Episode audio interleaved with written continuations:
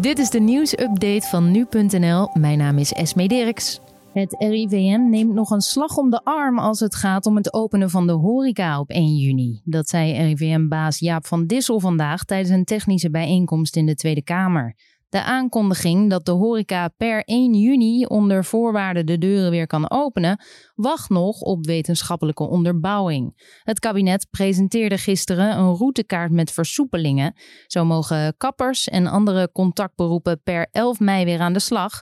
Maar over de versoepelingen na 11 mei heeft het Outbreak Management Team nog geen advies gegeven. Volgens de advocaat van de Amerikaan James Bay is het door de ziekte van zijn cliënt de vraag of hij de inhoudelijke behandeling van zijn zaak wel gaat halen. De 50-jarige man wordt verdacht van het seksueel misbruiken van een destijds 12-jarig meisje.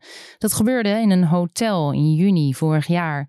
De inhoudelijke behandeling van de zaak staat gepland voor 18 juni, maar bij de man blijkt leukemie te zijn vastgesteld. Advocaat Challing van der Groot verzocht de rechtbank vandaag B toestemming te verlenen naar Amerika af te reizen, zodat hij daar afscheid kan nemen van zijn familie.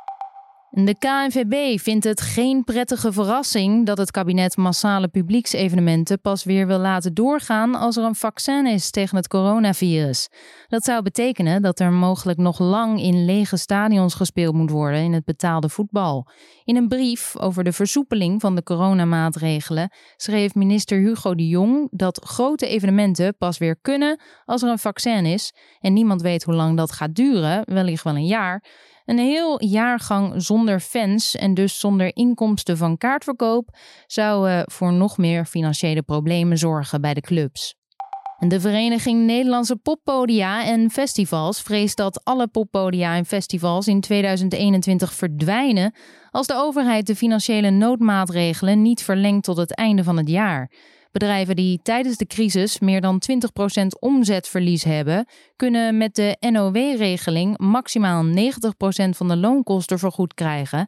De overheid trok bovendien 300 miljoen euro uit om de hele culturele sector te steunen in de coronacrisis. Het ministerie wil eerst kijken wat die noodsteun gaat veroorzaken voordat er nog meer geld wordt uitgetrokken.